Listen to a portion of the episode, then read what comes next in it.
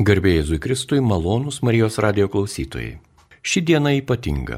Šiandien minime Šventąjį Tomą Akvinietį, kuniga ir bažnyčios mokytoją. Šioje laidoje apie šį šventąjį sutiko papasakoti Vilniaus universiteto filosofijos fakulteto profesorius gerbiamas Naglis Kardelis. Jam klausimus užduos Liutauras Serapinas ir aš sveikinuosi su gerbiamu profesoriumi Nagliu Kardeliu. Garbė Jėzui Kristui. Per amžius amen. Dėkojame, kad šią ypatingą dieną krikščionims galime kartu su jumis švesti Šventojo Tomo Akviniečio minėjimą. Ir ši laida tebūnie radio klausytojams kaip įžanga į tam tikrą mąstymą, kas yra katalikų bažnyčia, kas yra krikščionybė, kas yra mąstymas, filosofija ir kas yra gyvenimas, taip pat politika ir visi kiti menai, kuriuos žmogus yra įvaldęs. Taigi, jeigu trumpai, bažnyčios mokytojas, kunigas, šventasis, Tomas Akvinietis, koks jo gyvenimo buvo kredo? Šventasis Tomas Akvinėtis gyveno 13 amžiuje, tai buvo Europos civilizacijos aukso amžius. Dėl jo gimimo datos yra šiokių tokių nesutarimų, dažniausiai yra minima 1225 metų data, kartais galima sutikti 24-26 metų datą, dažniausiai 25 metai kaip gimimo data ir mirė 1274 metais. Taigi matome, kad gyveno tikrai neilgai, sulaukęs 49, galbūt 48 metų iškeliavo pas viešpatį ir per tą e, labai trumpą laiką nuveikė nepaprastai daug reikšmingų darbų tiek, tiek filosofijai, tiek teologijai, tiek visai katalikų bažnyčiai tiesiog na, neįtikėtinai turtingas gyvenimas. Ir jis yra turtingas tiek intelektualiniu, tiek dvasiniu aspektais, ir teoriniu, ir praktiniu aspektais, nes tai buvo labai e,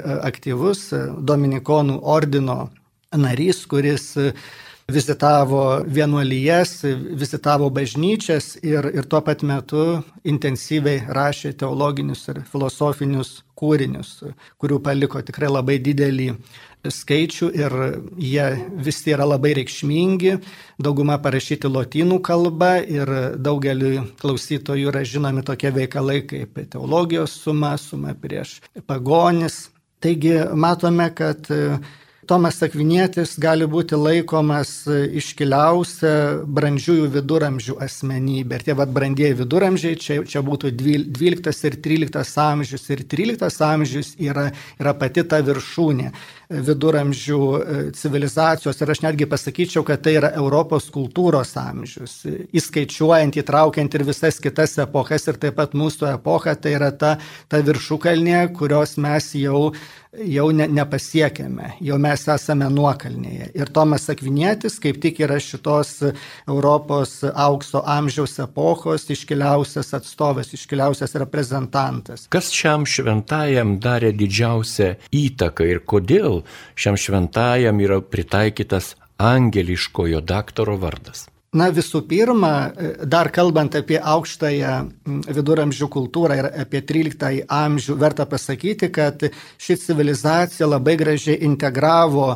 į savo akiratį, į savo mąstymo lauką tiek ankstesnę krikščionybės tradiciją, krikščioniškojo mąstymo tradiciją ir taip pat antikos kultūros lauką, ypatingai Aristotelį, taip pat ir Platoną, bet, bet ypač Aristotelį. Ir maždaug tuo metu buvo labai intensyviai verčiami Aristotelio tekstai į lotynų kalbą scholastinio laikotarpio filosofai pradėjo intensyviau įtraukti Aristotelio mąstymą į savo intelektualinį lauką ir čia Tomas Akvinėtis gali būti laikomas tuo mąstytoju, kuris labiausiai atsižvelgia į Aristotelio mąstymą ir daugiausiai jo elementų panaudojo savo savo kūryboje, tačiau e, toli gražu nesiekė Aristoteliu aklai, nes kiti to meto filosofai, pavyzdžiui, Paryžiaus saveroistai taip vadinami, kurie labai sekė islamo mąstytojų Averojumi Ibn Ruždu na, per, per daug kopijavo Aristotelio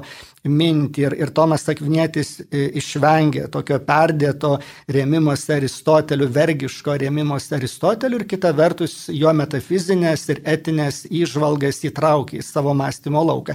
Ir taip pat ta visa ankstesnė krikščioniškojo mąstymo patirtis, tas didžiulis bažnyčios tėvų masyvas ir, ir be abejo šventasis raštas. Taip pat Tomas Akvinėtis buvo ekumeniškas filosofas, ekumeni, ekumeniškas savo tokiu, na, intelekto atvirumu, tuo požiūriu, kad atsižvelgdavo net ir į kitų religijų mąstytojus. Pavyzdžiui, rėmėsi ir islamo mąstytojų Ibn Sina arba Avicena sulotinintų E, pavydalu jo vardo ir taip pat e, rėmėsi ir Moze Maimonidu. Tai galima sakyti, kad kūrybingai pritaikė ir kai kurias judaizmo bei, bei islamo filosofijos įžvalgas, nekompromituodamas krikščionybės, bet įtraukdamas tuo, tuos elementus, kurie, kurie jam atrodė E, verti, verti plėtoti. Ir tada galime sakyti, kad Tomas Akvinietis Europos kultūros istorijoje pradeda civilizacijų dialogo istoriją, tą civilizacijų dialogo patirtį, nes tuo metu Europa buvo labai atvira atvira skirtingoms mąstymo srovėms. Ir visų pirma buvo laikomasi to, to krikščioniškojo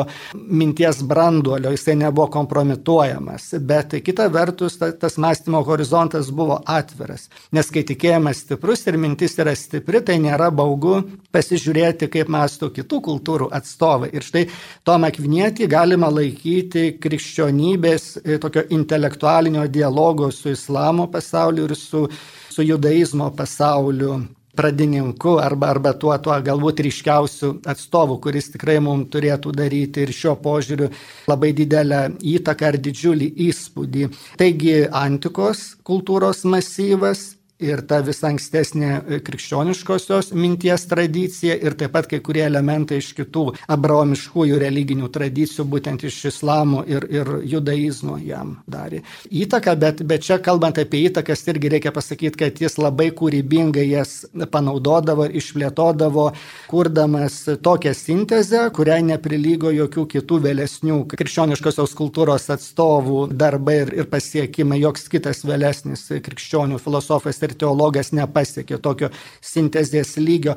Ir dar aš pasakyčiau, kad Tomo Akviniečio mąstymo unikalumas yra pagristas tuo, kad viena vertus būdamas labai originalus mąstytojas, gebantis labai originaliai plėtoti savo autorinį filosofinį ir teologinį diskursą, jis taip pat e, gebėjo atsižvelgti ir į kitų, kitų indėlį ir, ir kitų e, minties rezultatus panaudoti savo e, minties procese. Tai toks sintetintojas. Ir didieji jo filosofijos ir teologijos veikalai, teologijos suma ir suma prieš pagonis, suma teologija ir suma kontragentylės yra iš tiesų, na, ties sintetinantys veikalai, sintetinantys visą ankstesnę e, krikščioniškąją mintį ir kai kuriuos elementus net, net ir iš kitų religinių tradicijų paimtus. Tai būtent kaip, kaip labai iškilus sintetintojas, tiesiog neprilykstamas sintetintojas. Ir taip pat Aristotelio ir, ir kitų didžiųjų graikų mąstytojų tekstų interpretuotų. Tai Tomo Kviniečio parašyti komentarai Aristotelio tekstams yra, yra tiek svarbus ir tiek gilus, kad dažnai sakoma, kad Tomas Akvinietis Aristotelį paaiškino geriau negu pats Aristotelis. Tai neįmanoma tyrinėti Aristotelio, neskaitant Tomo Akviniečio komentarų parašytų Aristotelio veikalams. Ir kartu jisai Aristoteliu nesiekė vergiškai, jisai paėmė tuos, tuos elementus, kurie jam atrodė svarbus, tuos elementus, kurie nesikerta su krikščioniškąja doktrina, kurie kaip tik tą krikščioniškąją mintį konceptualiai išplėtoja, pagrindžia, nes be graikų metafizikos katalikiškoji mintis, ji nebūtų tinkamai išplėtota, eksplikuota, jinai būtų teisinga net ir tuo neišplėtotų pavydalu, bet būtent graikų metafizika leidžia suvokti tuos krikščioniškosios doktrinos aspektus, kuriuos apskritai žmogaus protų įmanoma suvokti, nes Tomas Akvinėtis yra pasakęs, kad, kad yra dalykų, kurie yra slėpiniai na, ir, ir mes jų negalime protų išlūkštenti. Pavyzdžiui, švenčiausiosios trejybės slėpinys, į Dievo įsikūnymo atleidimo slėpinys ir, ir kiti panašus slėpiniai, jie negali būti iki galo suvokti protų. Tai jisai teigia, kad, kad yra dalykų, kurie išlieka misteriški, paslaptingi, slėpiningi, bet kita vertus jisai kvietė protus suvokti tuos dalykus, kuriuos įmanoma suvokti, nes proto tingumą irgi laikė na, tam tikrą, sakytume, apmąstymo aplaidumo formą ir kaip tokiu, sakytume, nedėmesingumu savai tradicijai. Taigi kvietė suvokti ir pažinti tuos dalykus, kuriuos įmanoma suvokti ir kartu pripažinti kaip slėpinį vieningus tuos, kurių suvokti yra neįmanoma. Aš dar atkreipčiau dėmesį į tai, kad Tomas Akvinėtis yra absoliučiai unikalus tuo, kad labai gražiai sujungė e, intelektualų ir, ir dvasingai krikščioniškosios tradicijos aspektus, nes galime pradėti net iš kitos pusės, pradėti nuo jo kaip, kaip poeto, kaip mystiko darbų ir patirties. Va štai turime tuos nuostabius himnus, kuriuos vartojame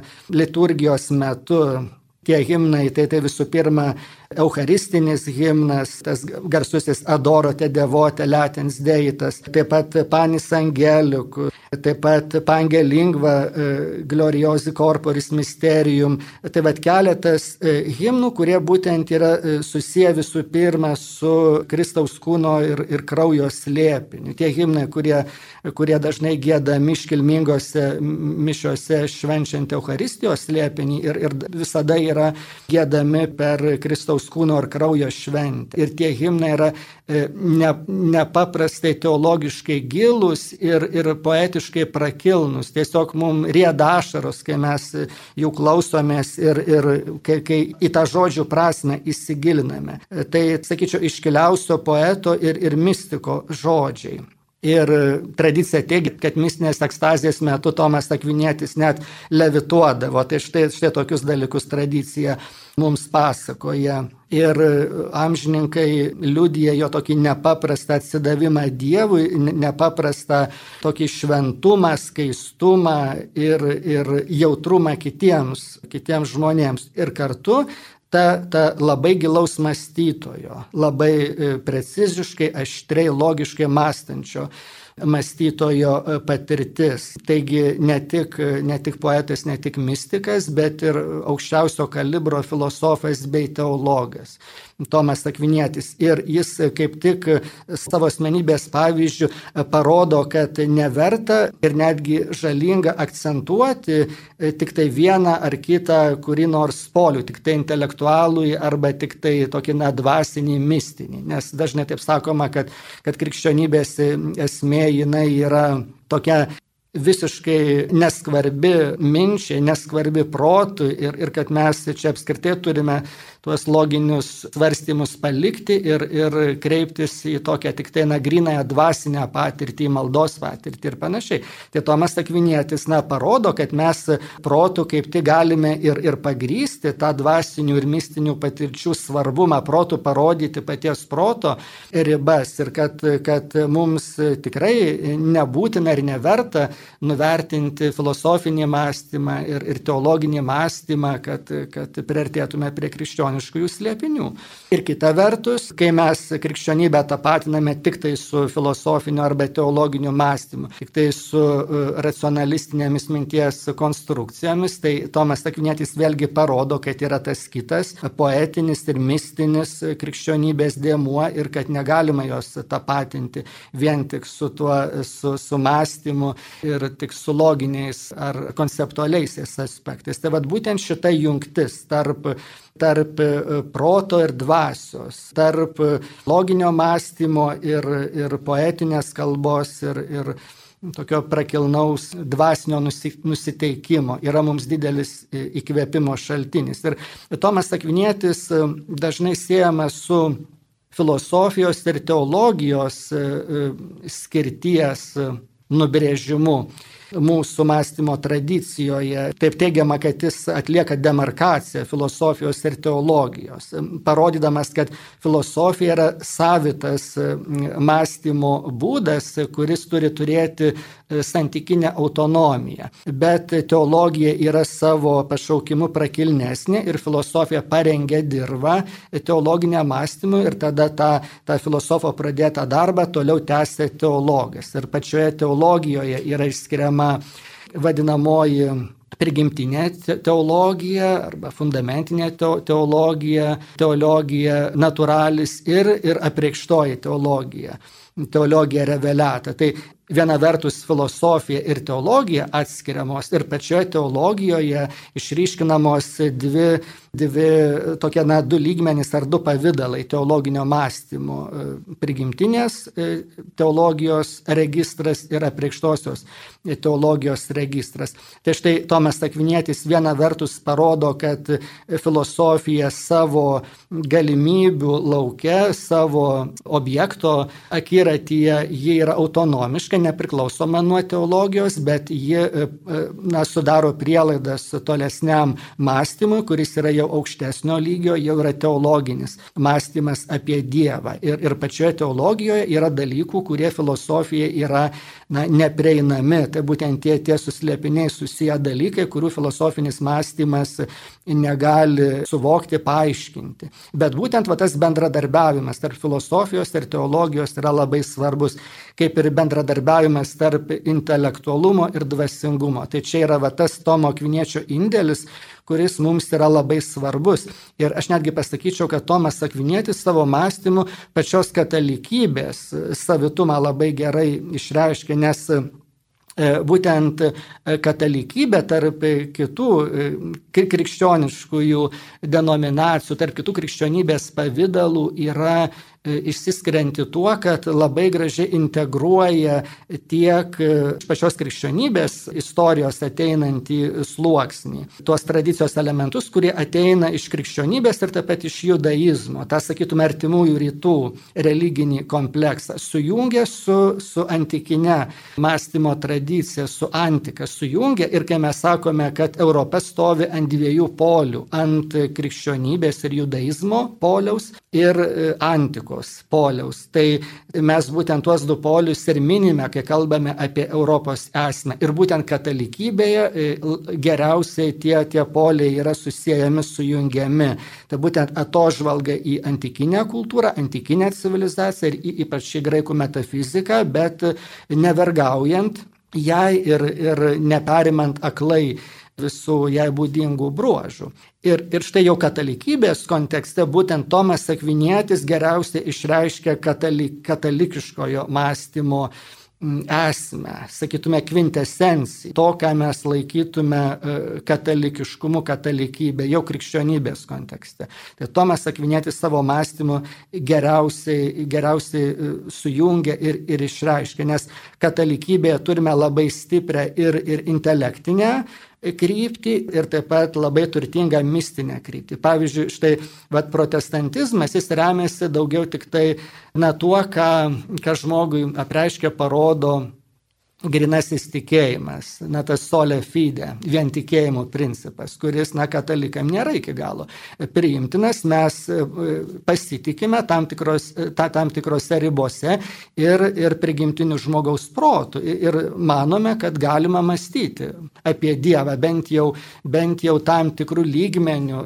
bent apie kai kuriuos Dievo aspektus mes galime mąstyti. Tai mes įtraukėme ir tą intelektinį klodą, intelektinį sluoksnį, kuris ateina iš antikos. Ir kartu mes turime tą, tą misticizmo ir poezijos labai, labai stiprią srovę, kuri, kuria labai pasižymi, pavyzdžiui, ir stačiatikybė. Tai, tai štai katalikai turi ta, tam tikrų bendrumų ir stačiatikiais, ta, tas turtingas mistiškumo, misticizmo sluoksnis ir taip pat skirtingai nuo protestantų, kad katalikai labai gerbė, labai gerbė antikinį mąstymą, visą antikinę kultūrą. Ir, ir, ir dėl to pati Europos esmė čia yra susijusi su šitų dviejų elementų sujungimu - krikščioniškojo ir judaistinio, poliaus ir, ir antikinio, graikiškojo ir romėniškojo. Ir, sakyčiau, Europos esmė, jinai su katalikybės esmė labai esmingai yra susijusi, o Tomas Akvinietis pačios katalikybės esmę savo, savo mąstymu, savo darbais geriausiai išreiškia. Malonus Marijos radio klausytojai, jūs girdite laidą, kurioje apie šventąjį Tomą Akvinietį, bažnyčios mokytoją, jums šį kartą pasakoja Vilniaus universiteto filosofijos fakulteto profesorius Naglis Kardelis.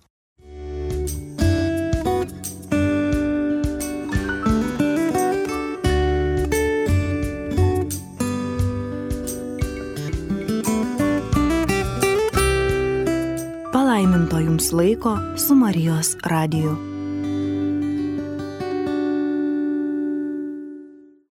Tęsėme laidą.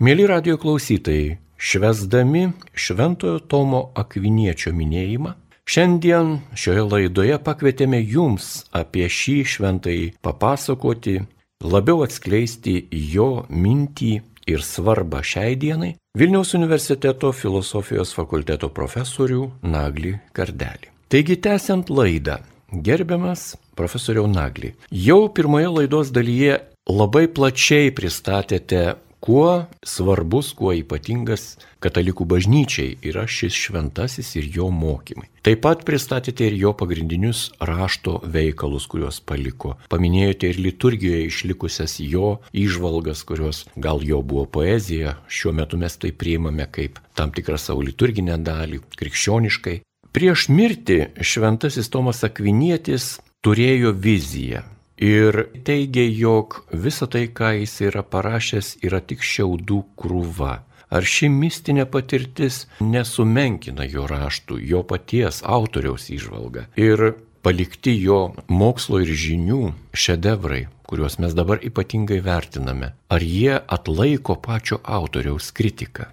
Tai be abejo, kad ta mistinė patirtis tikrai nesumenkina jo darbų e, ir, ir galbūt atskleidžia jo kaip asmens tokį kuklumą ir nuolankumą Dievo akivaizdoje. Ir šiaip nereikėtų stebėtis tą, tą mintimį, kad, kad visas teologijos sumos veikalas atrodo kaip šiaudai tos atsiverusios Dievo didybės akivaizdoje, nes jeigu kreiptume dėmesį krikščioniškąją dogmatiką ir, ir pats pats Tomas Akvinietis tai nuolat pabrėždavo, kad Dievo esmė yra nepažini. Ir, ir kadangi Dievas Tomo Akviniečio požiūriu yra ne tik asmuo, ne tik tam tikra būtybė, bet yra pačios būties šaltinis, yra fons entis, būties ištakos būties šaltinis. Tai va tie būties slėpiniai, būties gelmės, jos yra, na, tamsios, kaip toks nepaprastai gilus šaltinis, į kurį žvelgdami mes jo dugno nematome matome.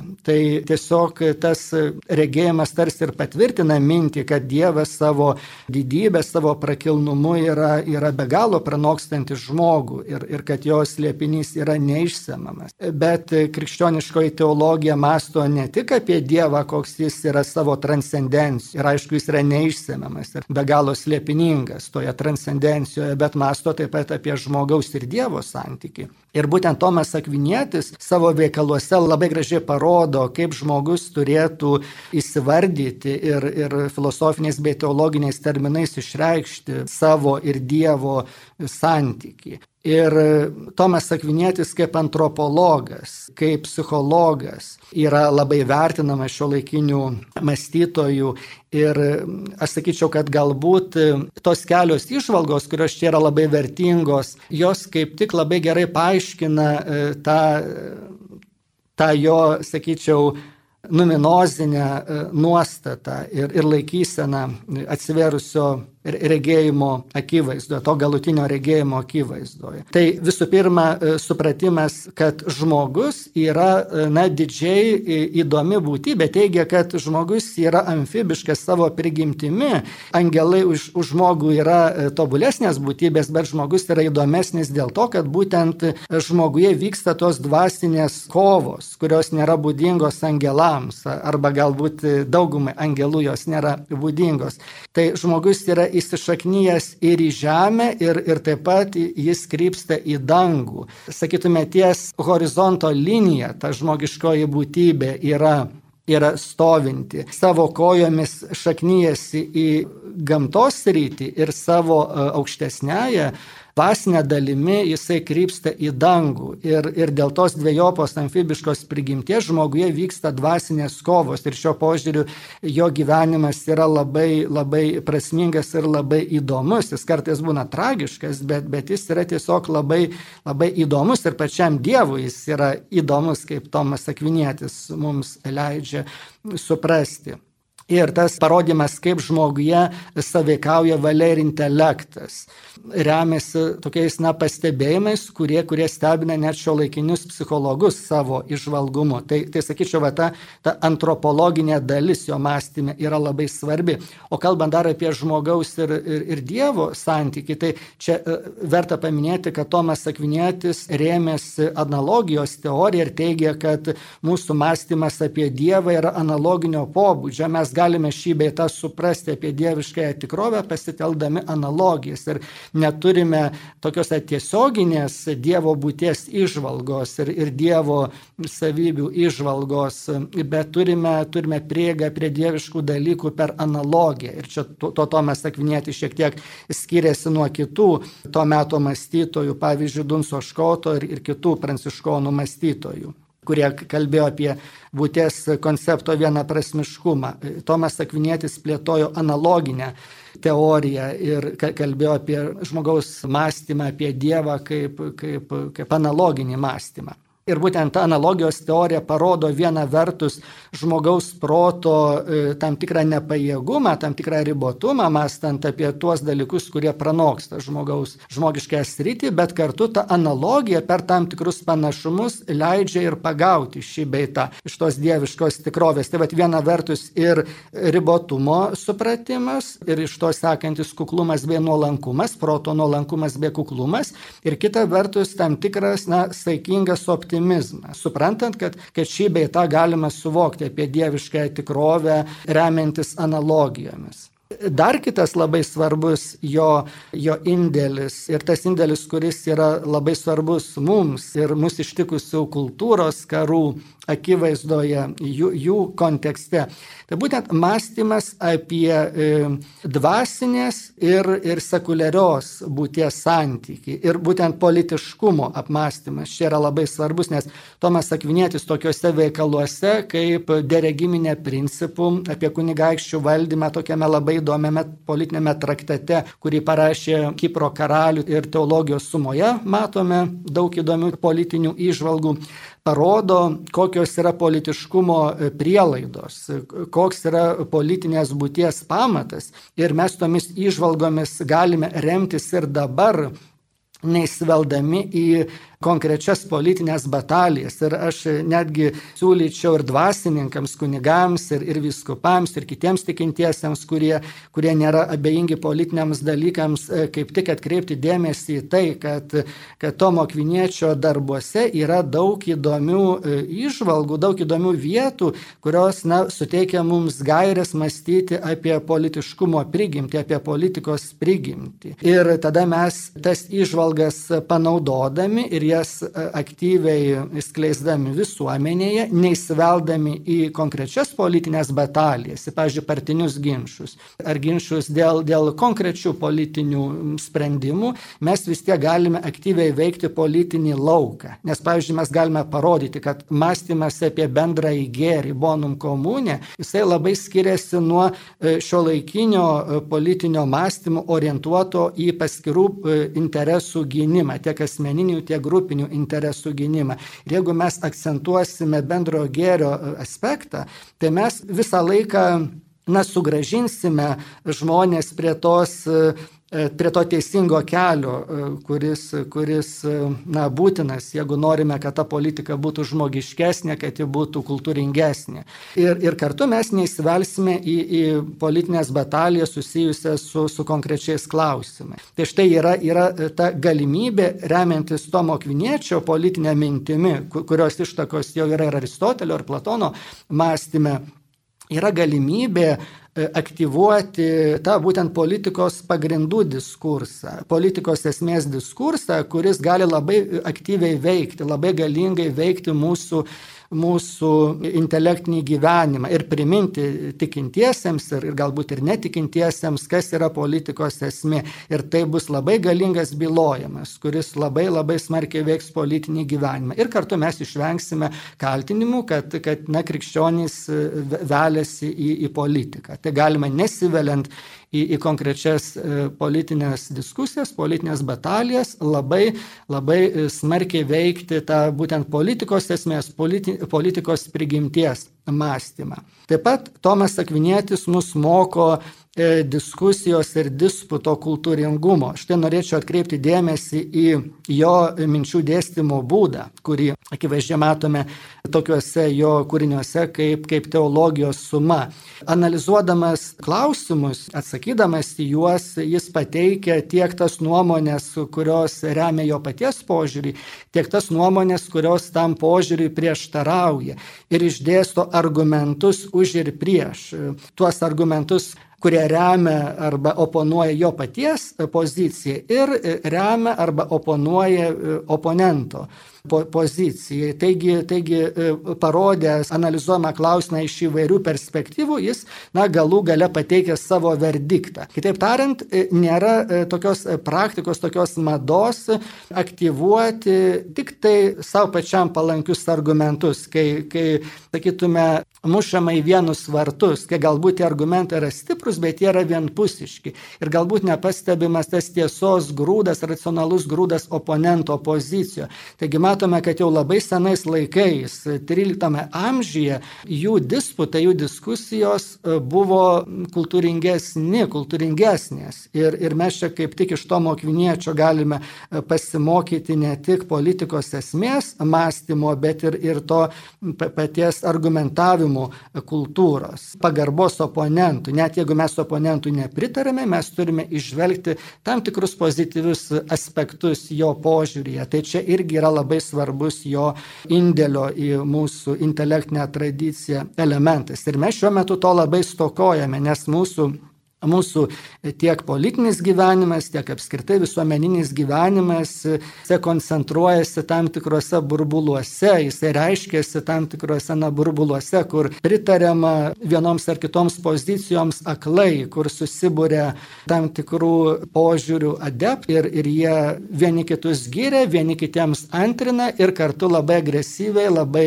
labai vienpusiškai ir primityviai ir nekultūringai puola oponentus. Tai va štai mes turime formuoti tokį neburbulinį, tokį visuotinį, sakyčiau, katalikišką, būtent to visuotinumo prasme, mąstymo lauką ir katališkumą čia reikėtų suvokti ne tik religiškai, bet apskritai kultūriškai. Tokį neburbulinį, bet visuotinį mąstymo lauką, kuriame mes analizuotume e, kultūringai visus pateikiamus argumentus, kaip sakytų, romėnai sinė yra et studijo be pykčio ir šališkumo, e, atkreipdami dėmesį tiek į teigiamus, tiek į neigiamus tų požiūrių aspektus. Ir tada mąstytume visas pozicijas tokiame bendrame kultūringame lauke ir priimtume patį geriausią sprendimą, remdamiesi visos visuomenės bendruoju interesu, tuo bendrojo gėrio interesu, o ne tik grupiniais interesais. Nes dabar mes esame susiskaldę pagal ideologinės linijas, pagal partinės linijas, pagal kažkokių grupinių interesų linijas,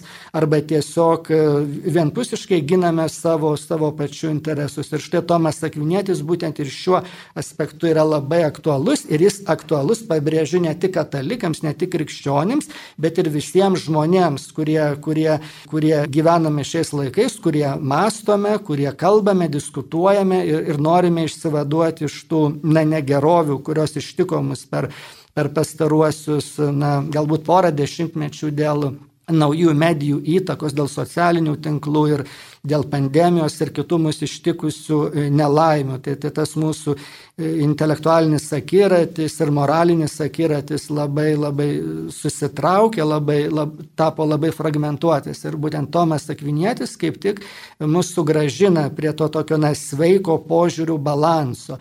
Ne tik kviesdamas jungti intelektualumą ir dvasingumą, filosofiją ir teologiją, bet, bet žvelgti į skirtingus požiūrius iš įvairių perspektyvų ir atrasti atrasti e, tam tikrą pozityvų elementą net ir oponento pozicijoje. Taigi, taigi jisai kviečia mums, kreipiant akis į Dievą, taip pat kreipti akis ir į savo artimą, kurią mes galbūt ir ne visada pritarėme ir matyti jame žmogų, matyti jame dialogo partnerį. Tai jis šiuo požiūriu išlieka labai aktualus. Ir taip pat, kaip sakiau, jisai labai aktualus, kai mes mąstome apie naująją Europą, kuri vėl turi naujai atrasti savo, savo tapatybę, nes tikrai Europos tapatybė nėra postmoderni. Sakyti, kad Europa tai yra tik tai šiaip kažkokia išpliarusi įvairovė. Tai, tai vis tiek yra per daug toks, na, neįpareigojantis, ambicijos tokojantis požiūris į Europos esmę. Tai mes turime ir kažkokią pozityvesnę Europos esmę atrasti. Ne tik negatyvę, bet ir pozityvę. Ir čia Tomas Akvinėtis mums iš tiesų yra, yra didelis įkvėpimo šaltinis. Ir viena vertus jisai saugo tą krikščioniškai Europos branduolį ir kartu savo mąstymu jisai parodo atvirumą kitoms kultūroms, kitoms civilizacijoms, kitoms abraomiškosioms religijoms. Tai čia mes irgi matome galimybę susikalbėti tiem dviem diskursam. Vienam diskursui, kuris galbūt yra konservatyvesnis, kuris, kuris kviečia apginti Europos krikščioniškumą, bet, bet tam tikro atsiribojimo nuo kitų kultūrų sąskaita. Ir yra tas kitas, kuris propaguoja tokį visišką atvirumą kitam, kitiems, bet jau krikščioniškosios kultūros tam tikro galbūt ir naikinimo kaina. Tai Tomas Akvinėtis parodo, kad įmanoma išlaikyti Europos krikščionišką šerdį ir įmanoma būti atviriems. O, o kaip tą įmanoma padaryti, jau jisai mus moko konkrečiai savo tekstais ir, ir na, konkrečiomis savo išvalgomis. Taigi jis išlieka nepaprastai aktualus mums tiek šio laikinių kultūros karų kontekste ir migrantų, pabėgėlių krizės kontekste ir tiesiog mums mastant apie savo žmogiškumą ir savo europietiškumą. Dėkojame Jums už laidos apibendrinimą, taip organiškai išlieta visame vientisame laidos tekste. Kai kalbame apie tokio aukšto lygio mąstytojus kaip šventąjį Tomą Akvinietį, kurio dieną ir minime šiandien, dieną gimimui dangui. Mes labai dėkojame Jums gerbiamas profesoriau Nagli Kardelį už savo gyvenimo patirties pasidalinimu profesiškai ir katalikiškai šioje radio laidoje. Jūsų palinkėjimas tiems, kurie yra susidomėję šventuoju Tomu Akviniečiu, kurie rūpinasi savo krikščioniškumu ir katalikiškumu. Laidos pabaigai jūsų ištara prisiliesti prie Tomo Akviniečio tiek per tuos nuostabius liturginius himnus, per, per, per liturgijos liepinius ir taip pat skaitant Tomo Kviniečio tekstus, kurių, kurių jau vis daugiau yra išverčiama į lietuvių kalbą. Tai, pavyzdžiui, suma prieš pagonis, teologinės sumos, ta tam tikras dalis jau galima skaityti lietuviškai, o taip pat, kurie, kurie yra pramokę lotynų kalbos, tai kvieščiau ir lotiniškai tuos tekstus skaityti, jie tikrai yra prieinami, jau ir internete tikrai juos yra nesunku surasti ir, ir galbūt ne tik studijuoti Tomą Kvinietį, bet tiesiog su jo, su jo mintimis, su jo gyvenimo pavyzdžiu, gyventi kiekvieną dieną ir tiesiog, sakyčiau, netgi prašyti švento Tomo užtarimo prašyti šventosios dvasios dovanų ir, ir kartu su Tomu Akviniečiu kreiptis į šventąją dvasę ir, ir prašyti tų minties ir išminties dovanų. Tai tiesiog gyventi su Tomu Akviniečiu kiekvieną dieną, ne tik sausio 28 dieną, bet, bet ir kiekvieną metų dieną prisiminti šventąjį Tomą ir jo tokį nepaprastai vientisą monolitinį gyvenimo pavyzdį, nes tai yra šventasis, kurį jį galima vadinti šventuoju par excellence. Visas gyvenimas nuo pat jaunystės iki, iki pabaigos yra nepriekaištingai šventas. Ir dar čia galima prisiminti, kad jo kanonizavimo metai yra tie patys kaip ir Vilniaus miesto oficialaus įkūrimo metai 1323 metai. Ir, ir matome, kad ir nedaug laiko yra praėję nuo jo mirties iki, iki kanonizavimo. Na, o vadinamas angeliškojų daktarų dėl to, kad, kad na, yra kaip, kaip kaip minties angelas, kaip, kaip tas, kuris tiek savo gyvenimo pavyzdžių, tiek, tiek minties skvarbumo, aštrumu yra, yra tiesiog, na, tiesiog kaip angelas. Tai, tai va su tuo angelu e, gyventi kiekvieną dieną tarsi savo angelų sargu. Labai ačiū, labai dėkojame Jums už tokią gražią išvalgą ir palinkėjimą, o gerbėmiems radio klausytojams priminsiu, jog šią valandėlę su Jumis bendravo Jums pasakojo Vilniaus universiteto filosofijos fakulteto profesorius, ne pirmą kartą Marijos radio laidose dalyvaujantis gerbiamas Naglis Kardelis. Jam klausimus uždavė Liutauras Serapinas, likite su Marijos radiju.